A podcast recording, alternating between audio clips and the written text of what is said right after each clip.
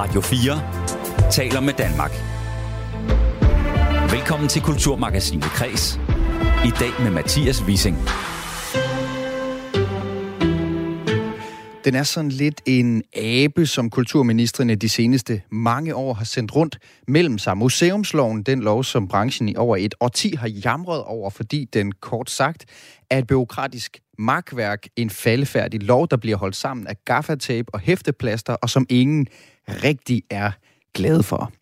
Nu skal der altså en gang for alle tages hånd om museumsloven, ikke bare fordi den er forældet, men også fordi, at museerne rent faktisk er et område med kæmpe betydning for dansk kultur, såvel som dansk turisme.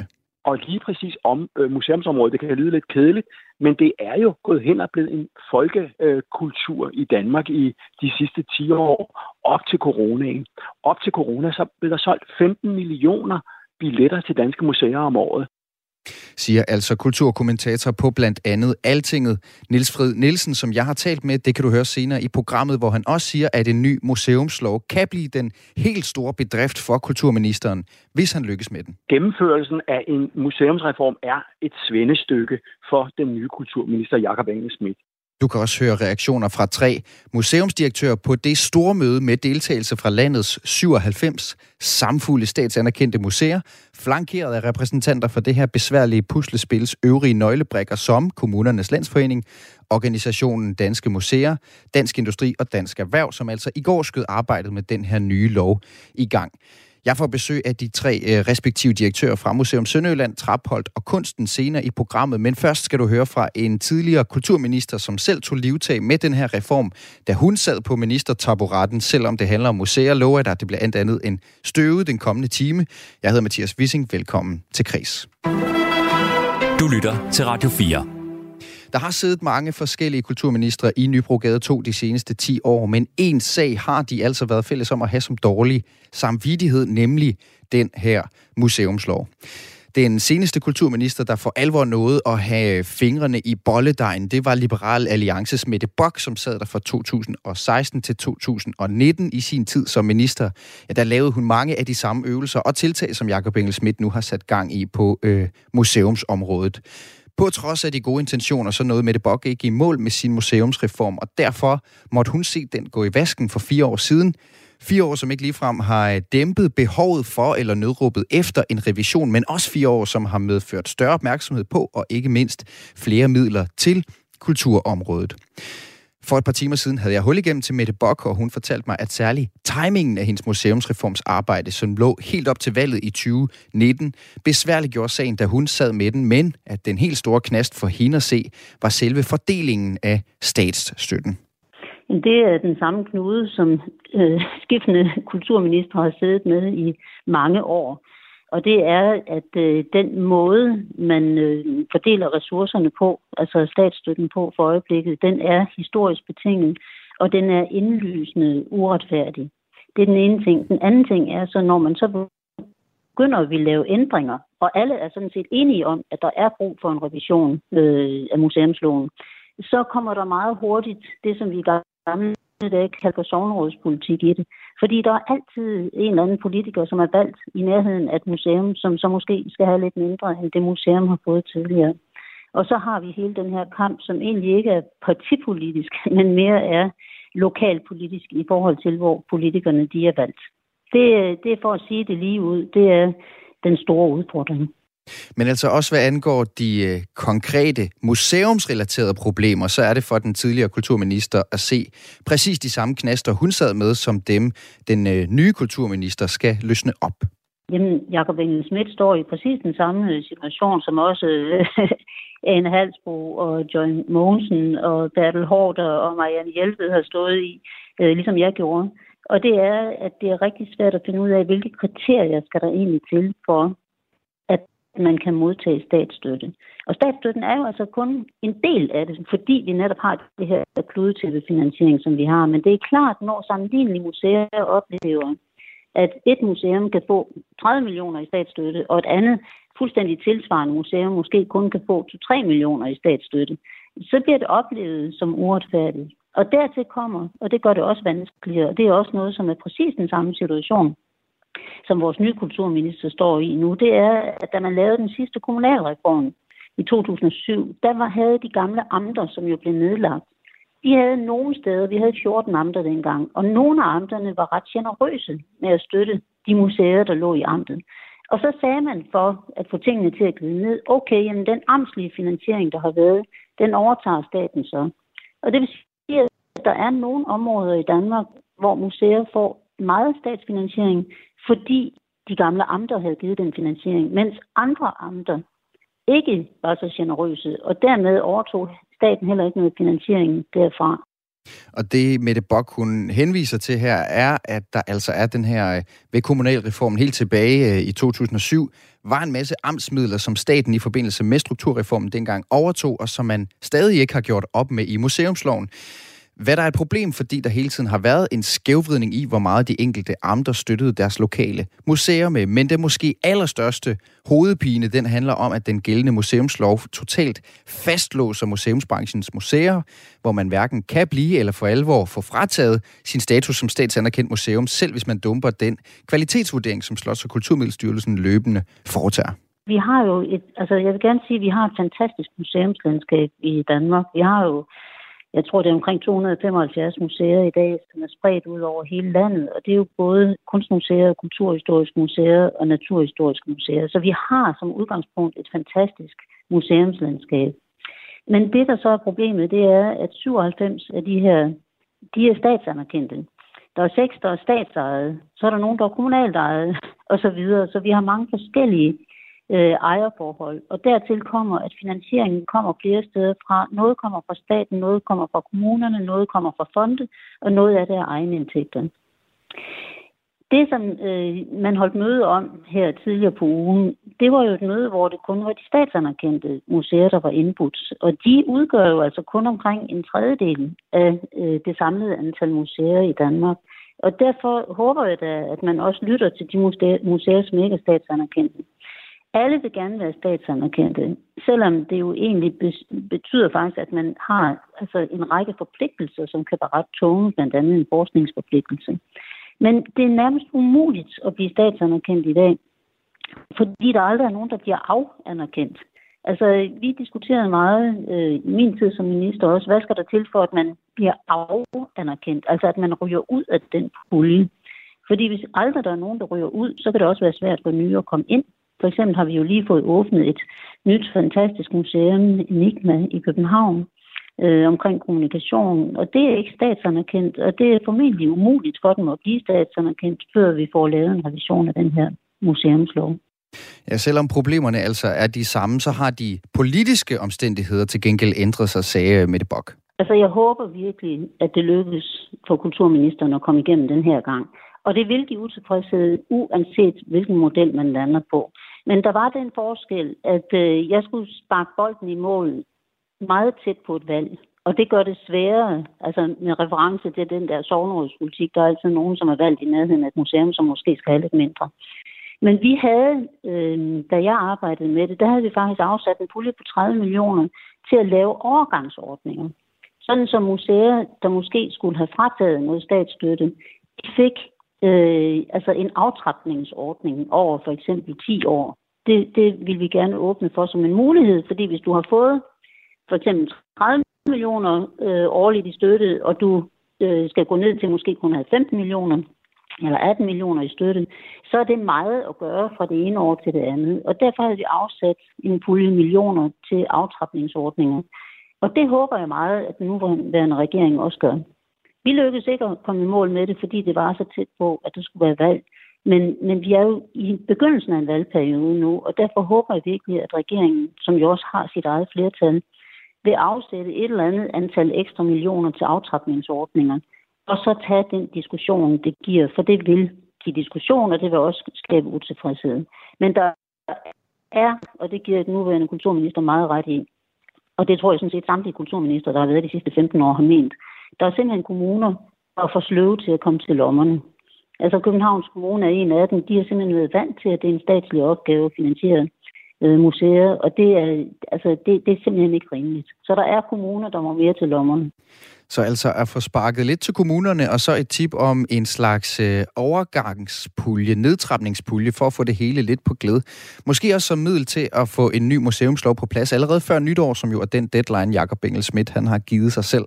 Derudover så har regeringen og hans øh, parti Moderaterne jo tilkendegivet allerede nu, at der er flere penge på vej til kulturbranchen bredt set, og derfor så tror Mette Bock faktisk på, at vi nu langt om længe ser ud til at få en ny museumslov, selvom kulturministeren har travlt. Jamen, det tror jeg godt, han kan, og jeg vil også sige, at han skal se at komme i gang og få det gjort færdigt. Fordi det her, det er bare, øh, altså det er kompliceret, og det vil skabe øh, uro og utilfredshed.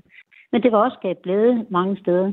Så derfor kan han lige så godt få det gjort nu. Og der er så meget forarbejde lavet, og der ligger så mange analyser, at, øh, at man bliver nødt til at sige, nu strækker vi det sammen på den her måde, og så må flertalsregeringen bruge det flertal, den har. Det er selvfølgelig bedst, hvis det bliver et bredt politisk flertal, men hvis ikke det kan lade sig gøre, så må regeringen køre det igennem selv. Det er min varmeste anbefaling. Jeg, jeg bad øh, Jakob Engelsmiths forgænger på posten her som kulturminister, altså Mette Bock, give ham et godt råd med på vejen. Jeg synes i hvert fald ikke, at han behøver at gentage en proces, som både jeg og også mange andre øh, kulturminister har lavet. Altså, i min tid, der var et kæmpe forarbejde. Altså, der blev nedsat visionsgrupper, og der blev holdt store møder, og der var alle mulige former for forberedelse. Og Øh, Kulturstyrelsen udarbejdede, og den håber jeg, at de stadigvæk bruger sådan en lille slags, øh, det var ret kompliceret, en slags regnemaskine. Altså, hvad sker der, hvis man ændrer på et af de fem kriterier for at tildele, hvilken betydning vil det så i kroner og øre have for det enkelte museum. Så alt forarbejdet er gjort, så der er ikke brug for lange processer. Altså, det, jeg synes, det er fint at holde det store møde, som er blevet holdt i den her uge. Og det måske, der skal måske også holdes et par møder mere, men så må det være nok. Altså, så må man simpelthen lave et forslag, forhandle det med partierne, og så gennemføre det. Jeg er simpelthen for banket en reform på plads for enhver pris, sagde altså en lidt utålmodig tidligere kulturminister Mette Bock, da jeg talte med hende for et par timer siden. Men om branchen er enig i, at det er vejen frem, det er det, vi skal blive klogere på nu. Du lytter til Kulturmagasinet Kres på Radio 4. Den har 17 samfulde år på bagen, og i mindst de seneste 10 har branchen sukket efter en reform. Det er museumsloven, den udskilte, der er tale om, og som vi taler om i dagens udgave af øh, Kulturmagasinet Kreds. I går mødte 97 direktører fra de statsanerkendte museer og en række interessenter fra blandt andet Dansk Erhverv, nemlig i Kulturministeriet, til et såkaldt stormøde. Det gjorde de på øh, Kulturministerens foranledning for at se hinanden i øjnene og for at tage de indledende snakke om, hvordan en ny museumslov skal se ud. Det er der nemlig ikke nødvendigvis de samme tanker om, hvis du spørger i Skagen eller i Sønderjylland, i Humlebæk eller i Blåvand. Derfor er jeg nu så heldig at have hele tre museumsdirektører på besøg.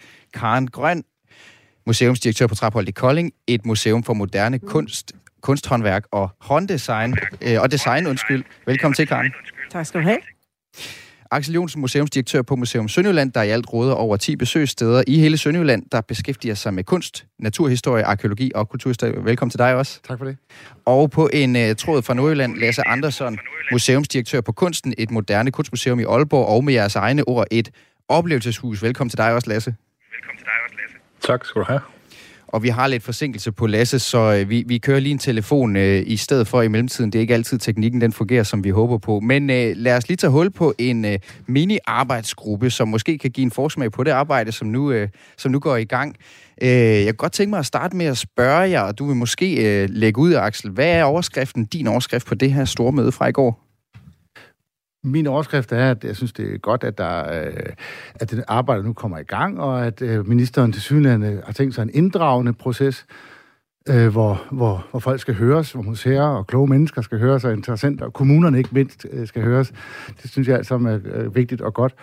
Øh, og så kan jeg forstå, at, øh, at øh, kulturministeren har travlt, og det synes jeg også er godt, fordi der har jo været gjort et kæmpe arbejde for at komme i gang. Og den har været undervejs i lang tid. Karen Grøn, hvad var det for et øh, møde for dig i går? Var alle bare øh, øh, fryd og gammel, og I var alle sammen, I alle sammen fælles krammer, og Jakob Engel Schmidt, han havde hænderne i, i vejret og var klar til at dele penge ud til højre og venstre. Jeg skulle næsten tro, du havde været til stede. der var... Men der var faktisk en utrolig god stemning, og ministeren lagde ud med at altså, sige, at han er jo lydhør, og er nysgerrig, og vil gerne høre, hvad vi har input, så tror jeg, det er jo, altså, hvem vil ikke være nervøs for at hive 97 øh, museumsdirektører ind omkring, altså til samme rum. Jeg vil i hvert fald nok selv være sådan nervøs for alle de meninger, alle de holdninger og alle de skarpe tunger. Men man havde tilrettelagt en proces, som fungerede virkelig godt.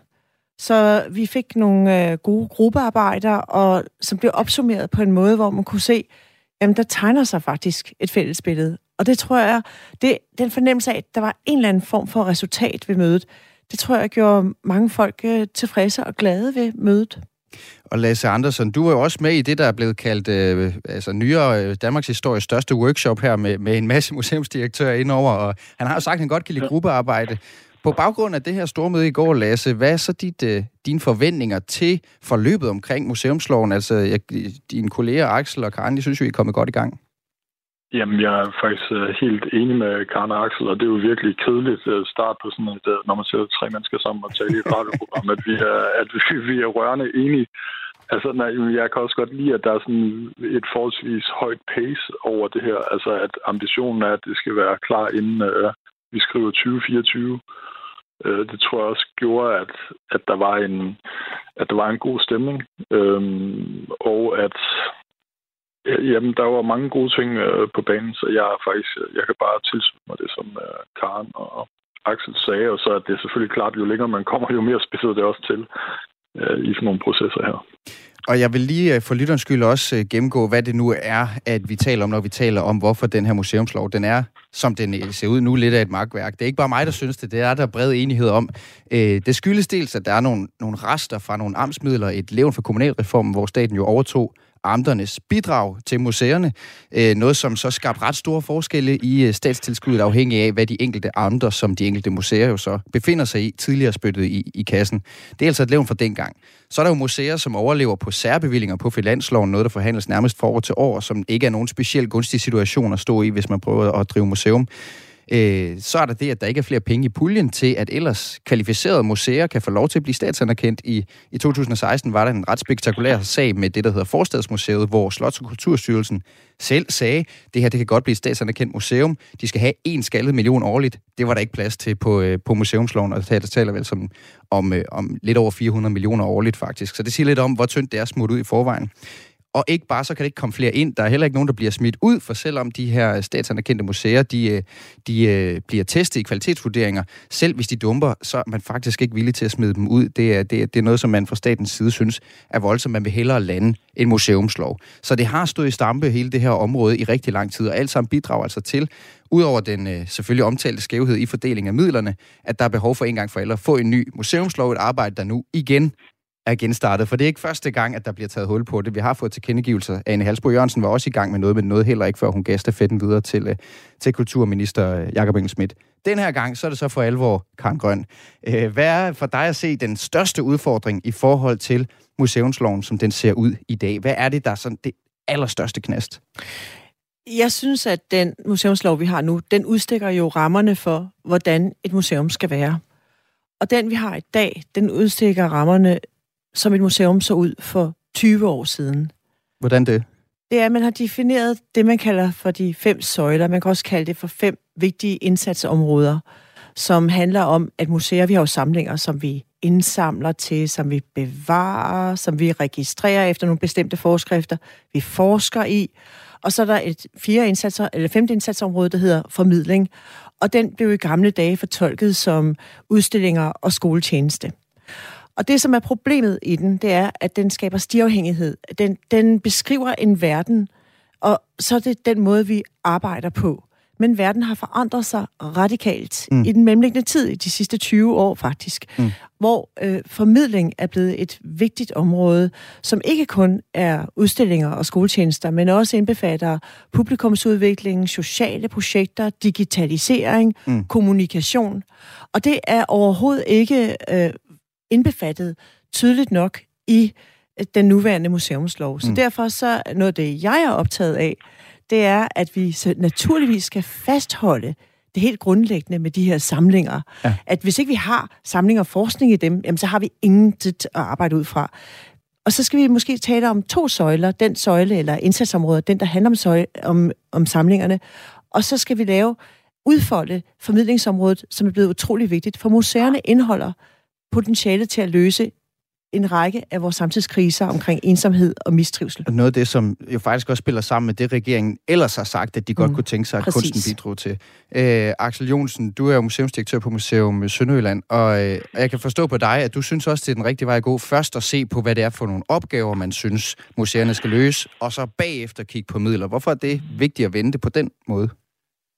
Jamen, det, det, altså, vi er jo enormt opgavefixeret i museumsverdenen, øh, og vi vil gerne øh, øh, have nogle klart definerede opgaver, som vi øh, kan arbejde med. Og jeg synes, at i, en museumslov jo netop handler om at fordele nogle opgaver, ikke så meget om beløbsstørrelser i tilskud. Så er det jo der, vi starter. Vi skal starte med at tale om, hvad er det for nogle opgaver, som museerne løser, både de statslige og de statsanerkendte, og, og også alle de andre. Øh, hvad er det for nogle opgaver, som, mm. som vi synes er væsentlige? Og når vi så har det landkort tegnet, mm. så, så, så, så, så er tiden så kommet til at tale om, hvad er det så, hvor er det, staten skal bidrage med, sin, med sine hvad skal man sige, millioner, mm. og hvor er det, kommunen bedre bidrager til. Mm. Så, så, så jeg synes, det er, en, det er en helt rigtig måde, at, øh, at det her gribes an på. Starte med opgaven, så taler vi om, om millionerne bagefter. Og Lasse Andersen, du sidder jo der i, i Aalborg, men du var også i København til stormøde i går. Kan du ikke lige sådan prøve, nu har jeg skitseret, hvad der er der i vejen med museumslov, men jeg fang, mangler faktisk lidt at få at vide, øh, hvorfor det har været så besværligt i så lang tid at lave en ny lov på det her område, når at der har været så mange aktører, der har kaldt på en ny lov i så mange år. Ja, jamen, altså, så skulle jeg jo være politiker, men, men altså, jeg vil sige en ting for det første, så det, jeg synes, der er vigtigt, det er, at vi bygger jo ovenpå en kæmpe succes. Altså, det, det er jo er det 15 millioner mennesker eller sådan noget årligt, der besøger museerne i Danmark, hvilket er, er helt fantastisk. Og så kan man sige, ligesom alle andre ting, så kan man sige, hvad for nogle opgaver løser vi, øh, og hvad, hvordan bliver man så honoreret for det? Og der tror jeg, der har det jo på ingen måde været transparent og forståeligt, hvorfor man gjorde det. Øhm, og grunden til, at man ikke har fundet en løsning, det er, at man stort set altid er gået ind til det med, at man havde de samme penge med i posen, når man skulle lave den her reform. Øh, og det tror jeg også er tydeligt, at der blev sagt, at der er brug for, at det ikke er et nulsumspil. Altså mm. at politikerne, det vil sige både statslige og kommunale, kommer ind til det her og siger, at der skal være en anden fordeling af offentlige midler. Det kan være, at der er nogle kommuner, der skal give noget mere, staten skal give noget mere. Så tror jeg faktisk mm. på, at man kan det. Men når det er delt ud, og man sidder i virkeligheden sådan lidt, jeg tror, at uh, Mette Bock, nu hørte jeg hende ikke helt, men hun har tidligere sagt, at det der med, at det bliver de enkelte folketingspolitikere, der sidder og forsvarer deres enkelte museum rundt omkring i Danmark. Og det var egentlig det, der gjorde mig glad i går. Det var, at vi startede egentlig med en proces, hvor man hiver sig op i helikopteren og siger, hvad mm. er det, der gør, at vi om 20-30 år har et godt museum, et endnu bedre museums Danmark, vil jeg faktisk sige, hvor vi også ved, hvad, er det, hvad for nogle opgaver er det faktisk, vi varetager mm. i, i et sådan nyt blik, mm. øh, fornyet blik på Museums Danmark. Så jeg tror, altså en, øh, selvom vi ikke taler om penge, så er at der er lidt flere penge med i øh, posen, og at vi kigger på det som et offentligt bidrag. Ikke kun statsligt, men også øh, hvordan kommunerne bidrager. Øh, og mm. det er der også en skævhed i dag. Og det, øh, ja, og det, det hjælper jo altid tingene på glæde, hvis der er lidt mere rut med os. Det er jo nemmere at gøre folk tilfredse, så hvis der også kommer nogle penge med i puljen. Men det er der også lagt op til, vi ved ikke præcis, hvor mange penge det er, men der er lagt op til, at der bliver tilført midler. Hvis vi nu, øh, jeg lover, at vi vender tilbage til opgaverne, museum, museernes opgaver øh, lige om lidt, men jeg vil også godt lige tale lidt om midlerne, fordi at øh, netop kunsten, Lasse Andersen, er jo blevet ja. fremhævet som et eksempel på den her skævhed, i den forstand, at I får øh, øh lidt over 2,5 millioner i statsstøtte om året, og skal finde langt størstedelen af jeres midler til at drive kunsten hos Aalborg Kommune. Og til sammenligning så får, og det er jo så lidt synd for Louisiana, men det er altså dem, der altid ja. bliver sat i den anden ende af skalaen her, de får øh, cirka 33 millioner mere end det 10 af, hvad I gør fra staten, og 0 kroner for den kommune, som de bor i, altså Fredensborg ja. Kommune. Er det din forventning, at det her, øh, at den her niveauforskel bliver glattet ud? Altså, jeg tror, der, jeg tror ikke, der er nogen, der tænker, at man får glattet niveauforskellen ud. Jeg tror, at jeg har også sagt tidligere, at vi bliver nødt til at kigge på, øh, på hierarkier og prioriteringer i den her proces. Altså, hvad er det for nogle? Det kommer tilbage til, hvad for nogle opgaver løser man. Men jeg har da helt klart en forventning om, at nogle af de her ting, de ændrer sig øh, imellem museerne. Og så vil jeg bare gerne virkelig understrege en ting, det er, at det lyder, hvis man nu sidder som lytter derude, så tænker man, jamen kunsten bliver drevet kun for offentlige midler. Altså vi får 2,5 millioner fra staten, og så får vi cirka 10 millioner, hvoraf noget skal gå til at vedligeholde den fredede bygning, vi har. og ud over det, så når man ser på udgangen her af 20 øh, 22 med det regnskab, vi lige så kigger på nu, så omsætter vi for cirka 55 millioner. Mm. Det vil sige, at det er en kæmpe stor del, og det tror jeg også er meget vigtigt, det er, at det er en kæmpe stor del af museernes økonomi i dag, det er, at vi skaber så meget mere, men den udvikling, der skal til, og den mm. stabilitet, for at vi faktisk flytter museerne fremad i en ny tid, det er det, som den her museumsform også skal være med til at give os den ballast. Ja, så altså at museerne ikke er et andet isoleret ting, som skal passe sig selv over hjørnet og få nogle penge til det, men altså noget, der går i, i spil med, med, med samfundet omkring sig. Ja, og det er bare for at sige, at den, virkeligheden er jo, at det, altså hvis du ser på det tal, jeg lige nævnte, jamen så er det jo et, altså så er det jo et museum, hvor at øh, cirka tre fjerdedel af økonomien kommer fra noget, som ikke er en som ikke er en statslig mm. offentlig bevilling. Mm. Øhm, så vi, og det gør vi, fordi vi er så forbundet med det samfund, ja. der er omkring os. Men nu i forbindelse med museumsreformen, så er det jo selvfølgelig mm. de her statsstøtte, jeg også lige har, har fixeret ja. mine øjne på. Og Axel ja, Jonsen, ja. I, øh, I ligger jo helt deroppe i toppen af modtagere, øh, statsmodtagere ligger I for næsten mest kun overgået af Louisiana. Til gengæld så er Museum Sønderjylland så en samlet betal, øh, for 10 besøgssteder. men det høje beløb, det er et resultat af den samme forældede øh, Øh, fordeling af midlerne som årsag til, at Louisiana får en stor tjek, nemlig de her gamle amtsmidler, som staten så overtog, da kommunalreformen trådte i kraft der i, i 2007. Øh, er du nervøs for, øh, omvendt af hvad vi hører fra Lasse her, at de bliver beskåret, fordi at I, I er en af dem, der ligger op i den høje ende, når man kun kigger på statsstøtten? Nej, det er jeg ikke, fordi du glemmer i din lille udlægning af, hvordan øh, bevillingshistorikken er øh, i vores situation der glemmer du nogle ting. Altså, øh, ja, det er rigtigt, vi er 10, øh, 10 øh, museer, det vil sige 10 besøgssteder, der blev til som, en, øh, som var del af et gammelt amtsligt øh, museumsvæsen, og som så er mm. til en selvejende institution. Men vi er altså også fire øh, statslige øh, ansvarsområder, altså øh, faglige ansvarsområder. Vi har mm. arkeologi, historie, kunst øh, og naturhistorie. Mm.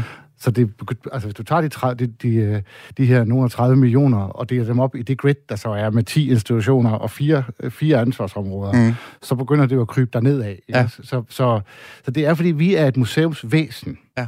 Øh, og med alt respekt for museer, der ikke er et museumsvæsen, så, så er det det, vi er. Og det ja. vil sige, vi ikke vi vil ikke flove over at modtage et højt, øh, højt øh, statstilskud, fordi det har en historik, som er velbegrundet. Mm. Øh, og det kan da godt være, at vi i en reform skal se på, hvordan begrunder vi den så. Mm. Men det er jo klart, at, at øh, jeg vil stadigvæk fastholde, at vi er et museumsvæsen, og det er, mm. det er, en, det er en, et vigtigt bidrag til det samlede danske museumslandskab. Mm. Og det er noget, som staten har været med til at prioritere og, og skabe. Så, øh, så nej, på den måde er jeg ikke nervøs. Men det er klart, vi skal jo, vi skal jo finde, de, eller vi skal jo tænker, komme med de gode argumenter. Jeg tænker, om det er noget af det, der taler ind i det. Nu har det fået lidt et ry for at være uigennemsigtigt, eller, mm. altså, og det ligger i ønsket, da I blev inviteret til stormødet, det skulle være mere transparent nu. Altså, jeg tænker, om det er sådan noget som det der, der netop skal være større trans- transparens omkring. Øh, ikke fordi, at jeg, jeg, jeg, jeg påstår ikke, at I dækker noget væk, vel, men, øh, men det er jo sådan lidt et... Der er jo nogen, der får deres statsstøtte kun til at drive et, et område, og I spreder sig ud over flere områder ja. og på flere forskellige steder. Altså, det er jo noget af det, der gør det så kompliceret måske. Jamen selvfølgelig, selvfølgelig. Og jeg synes, at det er fint, hvis man kan få den her transparens.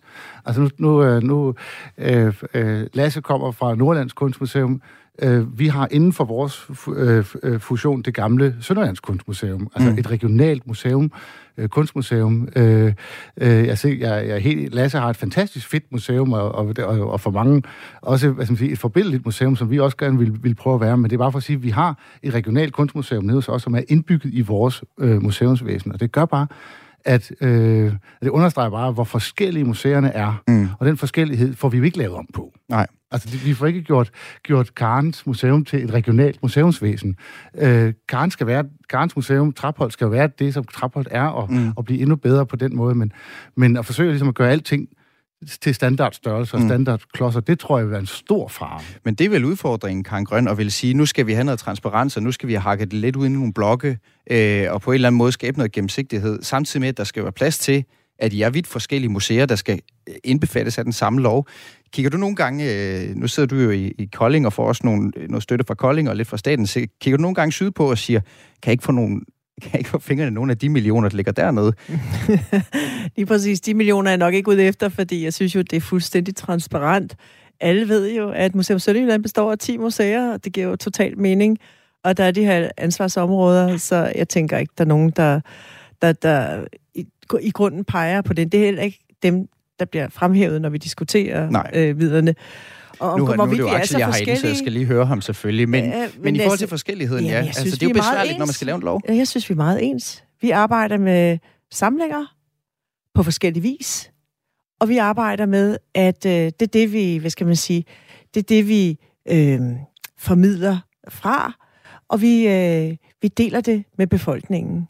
Det er sådan en grundsubstans, som vi alle sammen deler. En folkeskolelærer har også mange forskellige elever i sin klasse øh, men skal alligevel, altså vi alligevel har vi en samlet folkeskolelov, selvfølgelig kan vi, vi er mere ens, end vi er forskellige. Vi ligner da hinanden mere, end vi ligner øh, biografer eller teater. Men er det rigtigt, at det, det, der bliver hovedpinen, når man så skal lave en lov for jer alle jo, altså øh, at der skal være plads til, at de, øh, man laver den her opdeling, også øh, de kulturhistoriske, de naturhistoriske og, de, og kunstmuseerne, øh, som jo på en eller anden måde skal passe sammen. Der er sådan forskellige kategorier, som man forsøger at få et overblik over, og så skal have til at spille sammen.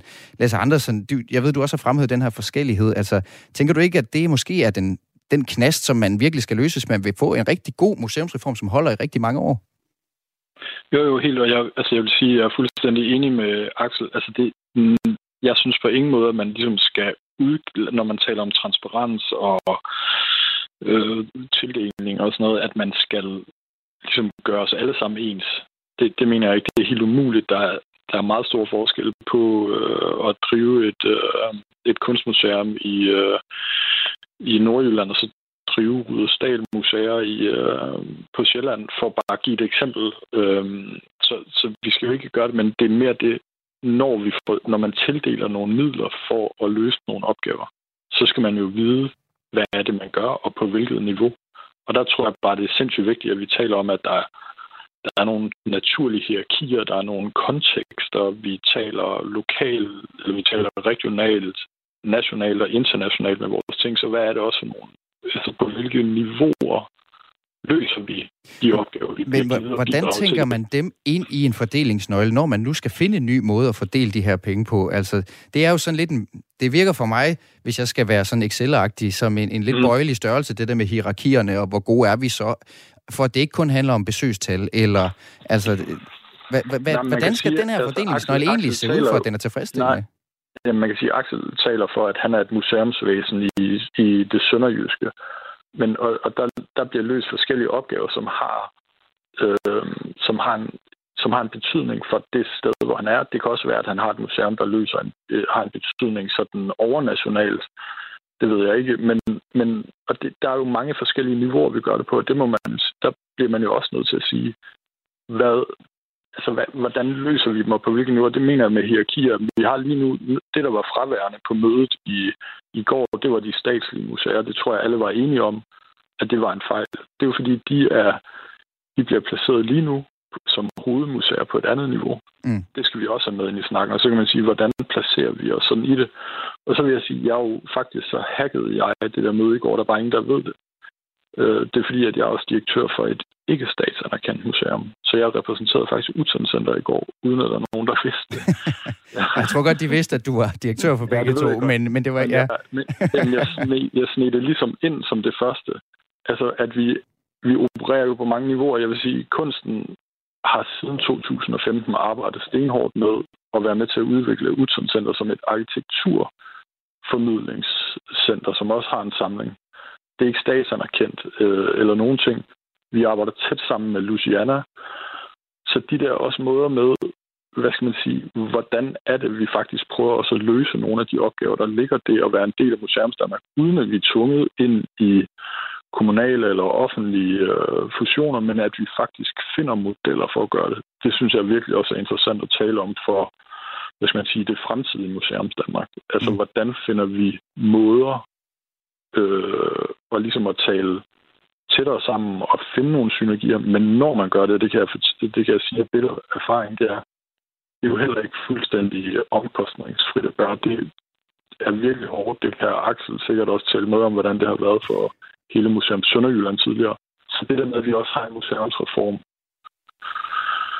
men så, der også er med til at tilskynde sådan noget. Ja, og, og hvordan skal den så øh, se ud? Fordi skal vi kan måske også tage hul på noget af det, som handler mm. om, øh, hvad der skal ligge i museum, altså hvad man forpligter sig til, hvis man skal have statsstøtte.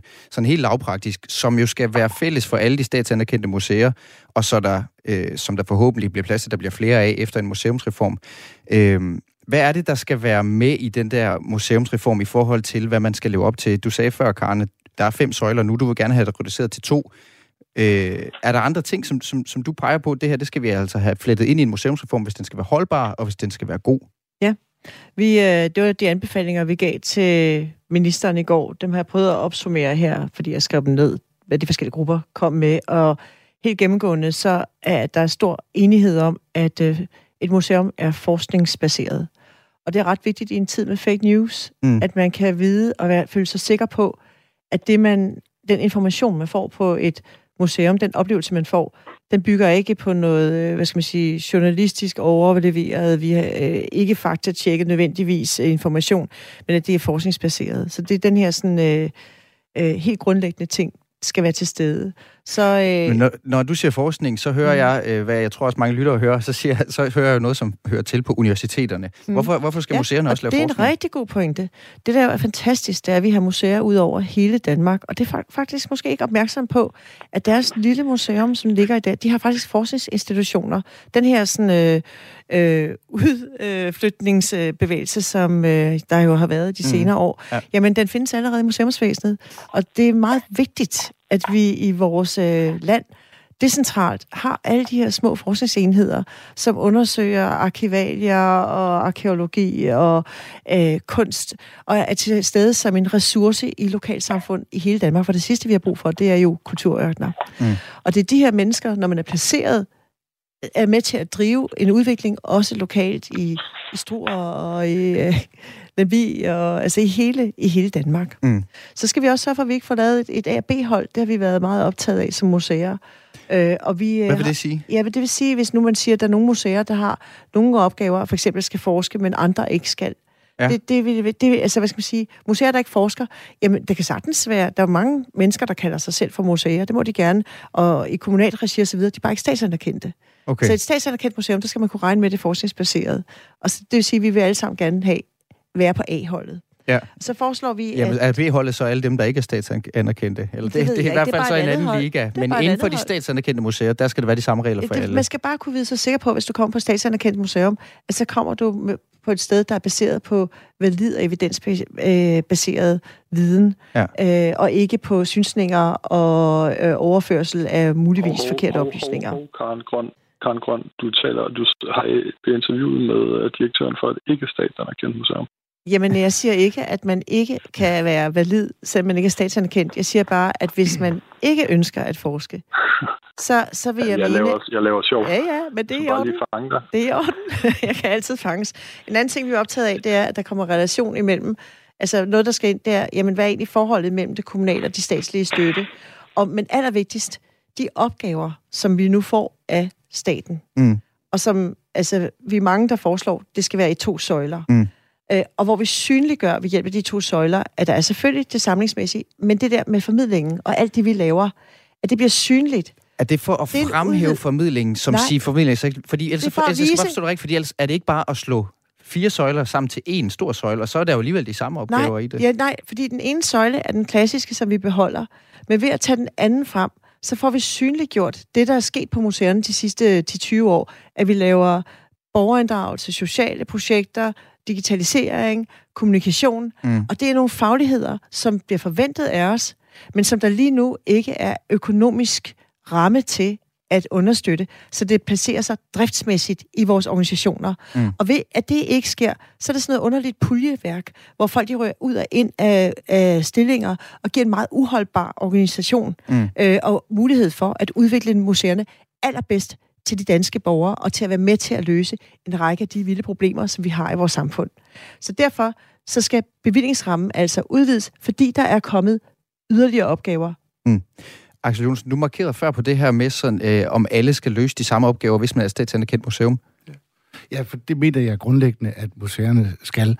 Og spørgsmålet om, øh, om man kan tænke sig et museum uden forskning, Øh, det synes jeg, øh, der vil jeg straks sige, sige, sige nej, ikke hvis man skal være statsanerkendt. Jeg, var, jeg hørte faktisk som om, at det var noget, som var blevet lagt op til, man eventuelt kunne kigge på, mm, om der ja. var den her forskningsforpligtelse. Ja. Men ja. jeg kan så forstå på stormødet i går, det var et rungende lad den være i fred. Vi skal forske på museerne. Ja, men altså, altså jeg synes, der, der er sige, meget bekymrende perspektiver på bagkant øh, af det.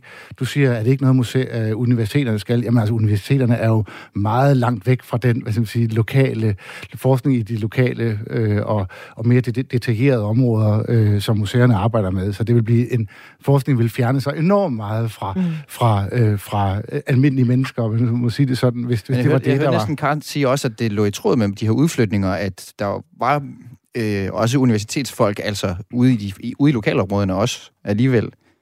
Altså med udflytningen har man jo ønsket, at der kom at der kommer viden og forskningsinstitutioner uden for København og Aarhus. Ikke? Altså, ja. det, det, er jo, det har jo været hele ideen. Og så siger jeg og så bare, siger du, så museerne kan allerede. være med til... Jamen, museerne, vi er der jo allerede. Ja, ja. Vi er forskningsinstitutioner. Jeg siger ja. bare, det er jo ikke noget, der er nyt. Det har vi jo været altid. Mm. Øh, så jeg siger bare, det er en udflytning, man sikkert behøver at lave, fordi vi er der vi har, øh, nu, bare, nu, nu taler vi som arkeologi, og ikke, og ikke så meget kunst, vi har øh, Danmarks øh, største arkeologiske graveområde. Vi graver hele Kolding Kommune og hele det gamle Sønderjyllands Amt, så det er et meget, meget stort område fra sydgrænsen af Vejle og ned til, til grænsen. Det er vores øh, arkeologiske felt, og der graver vi jo hver dag hele tiden. Og, og, og der stilles jo krav om, at vi har eksperter på området, så når man hiver noget op af jorden, skal man jo vide, hvad det er, man står med. Mm. Og det kræver jo forskere. Det, det, det, mm. Du skal vide, om det her yngre jernalder, eller, eller, eller, eller ældre jernalder, eller stenalder, eller hvad det er. Mm. Så vi er nødt til, når vi, når vi kigger på tingene og tager dem op af jorden, og kunne have folk, der rent faktisk ved, hvad de taler om. Og det kan man jo kun via, via forskning. Mm. Øh, og på den måde bliver det så også så nytten af at hive alle de her, bruge alle de mange ressourcer på at hive øh, arkeologi op af jorden, hvis, de, hvis ikke der ligesom er nogle fagfolk til at tolke dem, og til at, at, at, tage, at tolke dem ind i en større kontekst, og fortælle en større historie, der er vedkommende for folk, så er det jo meningsløst. Mm. Ja, så det hænger sammen. Det hænger højt Museernes sammen. opgaver hænger sammen øh, internt, men også i forhold til at spille sammen med, med samfundet. Ja. Ja. Og den forskning, der skal ske, skal dels være på samlingsniveau, mm. som Axel beskriver, men vi skal også have forskning på formidlingsniveau. Og noget af det, vi virkelig håber, museumsvæsenet håber, at vores øh, minister vil kigge på, det er den internationale komité for museer, ICOM hedder den. De har lavet på verdensplan, det er en FN-organisation, på verdensplan er der lavet en ny definition af, hvad et museum er. Og der bliver det understreget, et museum er en ikke-kommersiel øh, institution, som arbejder som for borgerne, for borgernes ved og vel. handler om tilgængeliggørelse, det handler om at inkludere, det handler om at understøtte diversitet, bæredygtighed, at være etisk i sin kommunikation, og at skabe forskellige oplevelser som læring, underholdning, refleksion og vidensdeling. Det er sådan essensen i den her nye definition. Og det nye er altså, at der er et meget stort samfundskald øh, kald i den nye definition, mm. som, øh, som vi håber, at ministeren han øh, vil være opmærksom på, når øh, vi nu gennemarbejder Når loven skal strikke sammen. At museerne træder endnu et skridt frem på en eller anden måde. Jamen, at det bliver tydeligt, at museer er ikke kun samlinger mere. Mm. Museer er meget andet. Jeg skal have sådan en, en kort opsummering på falderæbet her fra jer alle tre, uh, Lasse Andersson. Når nu, at, øh, at det ser ud til, at den her lov, den bliver, nu bliver den udarbejdet, der skal laves et analysearbejde, og så skal der strikkes noget godt og holdbart sammen, som kan holde i, i mange år. Øh, hvad vil virkelig være en bed for dig, hvis det ikke var en del af den samlede øh, færdige museumsreform? Jamen, jeg, altså, jeg tror helt klart, det som der er blevet nævnt, altså at den viden, vi er med til at, at producere, og så få den bragt over i, altså formidlingsmæssigt, så forskningen og, og formidling, som man kan sige to centrale, øh, centrale elementer, som er baseret på det, vi samler ind. Det synes jeg er, er sådan helt vildt vigtigt. Så synes jeg også, der er det der, man bliver nødt til at diskutere øh, hierarkier og prioriteringer i det her. Og så i sidste ende, hvis det, ikke, hvis det her ikke udmyndter sig i, at der, at der bliver en transparent øh, fordeling af, af midlerne, mm. så, så kan man sige, så er det jo, øh, så er det jo et fedt, ved at sige i sidste ende. Mm. Axel Jonsen, øh, museumsdirektør Museum øh, Sønderjylland. Hvad er for dig at sige den ene? Du må kun pege på én ting. Hvad vil være den ene, bed, den ene kamel, du ikke kan sluge? Jeg vil være blive rigtig ked af det, hvis, øh, hvis resultatet ligesom blev, at øh, der er nogen, der er store, og det er skidt, og så er nogen, der er små, de skal hjælpes. Altså, der er noget, der er stort, og noget, der, øh, der altså, som, som, som, hvor der også er en, en god forklaring på, hvorfor det er stort. Det er Museum Svendborg for eksempel. Vi er som sagt et museumsvæsen. Vi er landets næststørste museum. Og, og øh, Øh, men, men vi har også en meget stor opgaveportefølje. Mm. Så, så derfor synes jeg, at den her diskussion om tilskud og opgave, den er så vigtig, fordi det er jo, det, det er jo derfor, vi kan argumentere for, at vi er blevet dem, vi er. Mm. Og det er staten, der har været med til at tilskynde til, at vi skulle fusionere og, og, og, og professionalisere os og sørge for, at vi blev et museumsvæsen. Så det vil jeg synes var enormt ærgerligt, hvis det ligesom ved et pennestrøg nu, ja. uden at man kiggede på, hvad det er for nogle opgaver, vi løser, øh, ligesom bare blev på dem rullet tilbage. Det vil jeg synes var enormt Så det skal ærgerligt. også pakkes ned i den nye museumsreform? Det synes jeg. Ja. Og Karen Grøn, du skal selvfølgelig også lige have chancen her til allersidst, helt kort. Hvad, hvad, hvad, hvad kan du ikke leve med, at museumsreformen ikke indeholder, når den er, når den er færdig om, om under et år, siger Jakob Engelsmidt jo? Jeg vil være ked af det, hvis man ikke tydeligt kan se, hvad det er for nogle opgaver, vi reelt løfter inden for henholdsvis samling og formidling, og at man øh, lynhurtigt løber ud og laver en nulsumsfordeling, og på den vej kommer til at ødelægge fremragende museer, som så skal afgive mm. øh, livsnødvendige midler. Herunder også, altså for eksempel i Aarhus, hvor man får 55 millioner til tre af de store museer. Mm. Altså, det, det er jo ikke kun Louisiana og Arken, det handler om. Mm. Der er jo, ja. øh, Øh, Karen Grøn, museumsdirektør på Trapholdt i Kolding, Axel Jonsen, museumsdirektør på Museum Sønderjylland, og på en linje fra, fra Aalborg, Lasse Andersen, museumsdirektør på Kunsten. Tak til alle tre, fordi I er med i Kulturmagasinet Græs. Tak for det. Tak. Du lytter til Radio 4. Det var altså nogle af de ting, som er de helt centrale, nogle af de helt centrale aktører fra museumsbranchen bringer til bordet i den her forhandling om en ny museumslov. En uh, længe ventet reform, som betyder, at alt er på spil for landets statsanerkendte museer. Men en anden, der har ret meget på spil øh, med den her museumslov, det er kulturministeren himself. Museumsreformen den er sågar skrevet ind i regeringsgrundlaget, og Jakob Engel Schmidt har lige frem udpeget reformen som en mærkesag for ham, altså sat den her deadline for sig selv, som hedder før nytår. Før udsendelsen talte jeg med Niels Frid Nielsen, kulturkommentator på Altinget og kulturjournalist i en evighed, som har fuldt arbejdet med den her museumsreform i flere år. Han mener, at gennemførelsen af en museumsreform vil være et decideret svendestykke. Det er jo sådan, at de tre foregående kulturministre Først Mette Bock i øh, Vlak-regeringen, Lykkes øh, Vlak-regering, så Joy Mogensen i Mette Frederiksens øh, første regering, dernæst afløst af Anne Halsbro Jørgensen. Alle tre har forsøgt at gennemføre en museumsreform, der kunne øh, opdatere og fremtidssikre de danske museer, som der i snart et 10 år har kaldt på en opjustering. Øh, og det er ikke lykkes for nogen af dem. Nu kommer der så en ny kulturminister ind, fra et andet parti, et nyt parti, øh, og det er oplagt hans mulighed for at vise handlekraft, øh, men jo også for at vise, at mens hans formand, Lars Løkke Rasmussen, øh, rejser verden rundt som udenrigsminister, så kan Jakob Engelsmidt her hjemme i Danmark få skaffet resultater og øh, og fremskridt øh, for danskerne. Og lige præcis om øh, museumsområdet, det kan lyde lidt kedeligt, men det er jo gået hen og blevet en folkekultur øh, i Danmark i de sidste 10 år, op til coronaen. Op til corona, så blev der solgt 15 millioner billetter til danske museer om året. Så, så det er altså ikke et eller andet lille øh, støvet nicheområde. Nej, det er en kæmpe, det er en kæmpe sag, det her. Og hvis, Øh, så, så det er jo sådan med, med kulturministeren, at han ikke har lagt på den lade side med den her reform. Han var ret hurtig til at gå ud og sige, det her det er noget, jeg vil ordne, og jeg vil ordne det hurtigt.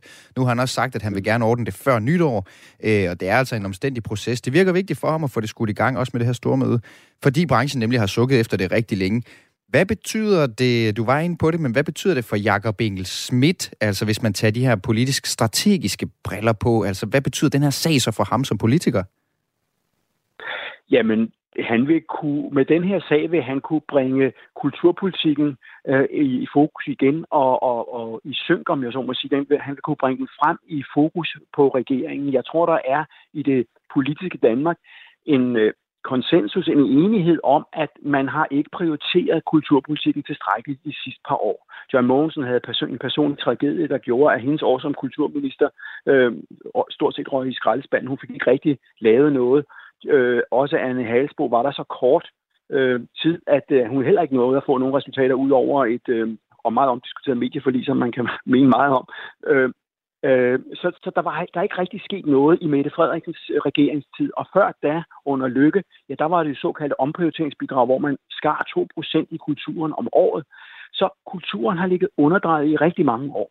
Så kommer øh, Lykkes nye øh, moderaterne, øh, og de har jo gået til valg på, at de vil opprioritere kulturen. Øh, og det er der altså en, en bred forståelse for, at tiden er nok inde nu. Og hvis nogen kan, så er det måske øh, med moderaterne, fordi de har, de har prioriteret det her, og også er fordi Engelsmidt, han som kulturminister, sidder både med i regeringens øh, mest magtfulde udvalg, det hedder koordinationsudvalget, hvor man træffer alle de store beslutninger, og også i økonomiudvalget.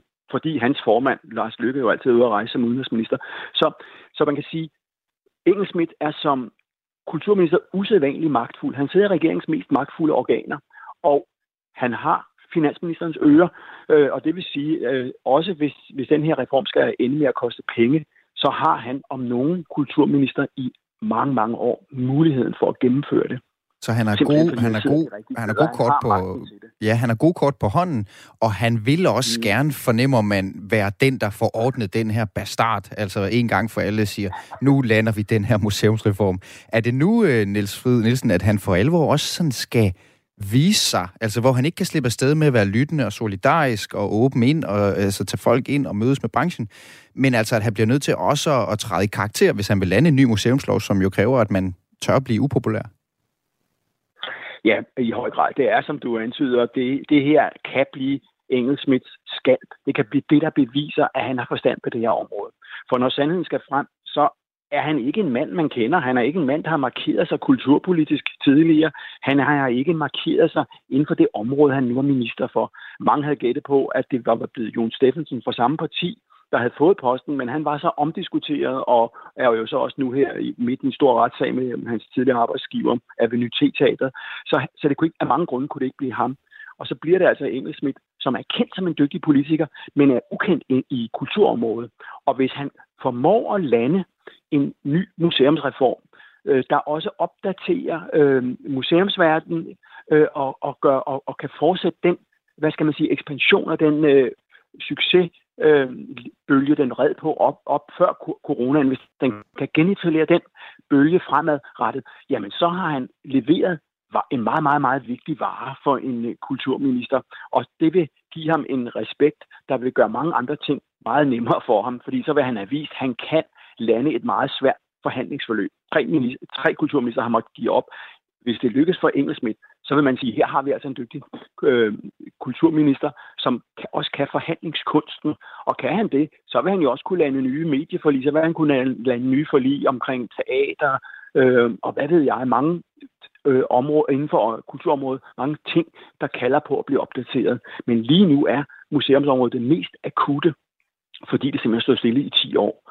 Øh, fordi øh, Øh, øh, vi, kan, vi, fordi vi ikke kan anerkende nye. Der er ikke plads og penge til at anerkende nye øh, museer. Det betyder, at museumsverdenen har, står i stå, står i stampe simpelthen. Ikke? Øh, og, og, og så er det altså svært øh, at forøge øh, publikumstallene. Ja, den har været rigtig øh, træls at lægge arm med den her museumsreform, fordi der er en masse forskellige ting, som altså skal, skal mødes på en måde. Øh, en, masse, en masse byråkrati og en masse forældet lovgivning, som skal gøres op med. Det har de jo også selvfølgelig skrevet hele vejen ind i regeringsgrundlaget, så det er en vigtig ting for dem. Øh, en af de ting, som har gjort, at det har været svært at lave museumslov, har, som du har været inde på, været, at muse- øh, de forskellige kulturministre har haft kort tid, altså ikke været noget i mål. Det er jo også øh, notorisk et, et ministerium, hvor der tit bliver skiftet ud øh, på, øh, på frontmanden eller frontkvinden. Er det dit indtryk som kulturkommentator, det du har set her siden, at Jakob Engel Schmidt i midten af december blev ny kulturminister, at han gerne vil blive siddende og gøre arbejdet færdigt her i Kulturministeriet? Eller tror du, hvis han får chancen for at stige i graderne, altså det er jo ikke nogen hemmelighed, at kulturministerposten ikke sådan øh, traditionelt er den mest prestigiøste post, øh, uanset hvordan man vender og drejer det, sådan, det er i hvert fald sådan, det forholder sig på Christiansborg. Øh, er det dit indtryk, han vil blive siddende til, han har fået nogle ting igennem her, eller kan han godt blive fristet af en eller anden øh, et hop opad i hierarkiet, hvis nu der kommer et andet ministeriumåbning i forbindelse med en, en forestillet, det er selvfølgelig hypotetisk, men en forestillet øh, ministerrokade? Jeg tror, at øh, Jakob Engelsmidt øh, skiller til øh, den konservative Brian Mikkelsens øh, næsten 10 år som kulturminister. Brian Mikkelsen, da han blev kulturminister i sin tid, så var han jo i krig med hele kulturområdet. Forfatterne sad og røg has på kulturministeriets øh, trappe øh, og protesterede vildt og inderligt mod øh, Brian Mikkelsen. Øh, og han drømte kun om en ting, nemlig at komme videre. Og det sagde altså Niels Frid Nielsen, kulturkommentator på øh, Altinget, da jeg fangede ham før udsendelsen. Og det sagde han i Kulturmagasinet Kreds på Radio 4, som er slut for i dag. Mit navn er Mathias Wissing. Du kan høre hele udsendelsen i Radio 4's app, og det kan du gøre om en lille times tid, eller der, hvor du plejer at finde podcasts. Du skal lytte til Overskud, fordi du bliver klogere på din egen økonomi. Vært Sofie Østergaard hjælper dig med at få mest muligt ud af dine penge. Jeg tror nærmest ikke, det har været vigtigere at gå op i sin økonomi, end det er lige nu. Derfor får du de bedste råd fra vidne gæster og eksperter i Overskud på Radio 4. Selv den mindste økonomi, der kan man altså finde en lille bitte smule at rykke rundt på. Lyt til Overskud i Radio 4's app, eller der, hvor du lytter til podcast. Gør det, gør noget, og gør det nu. Radio 4 taler med Danmark.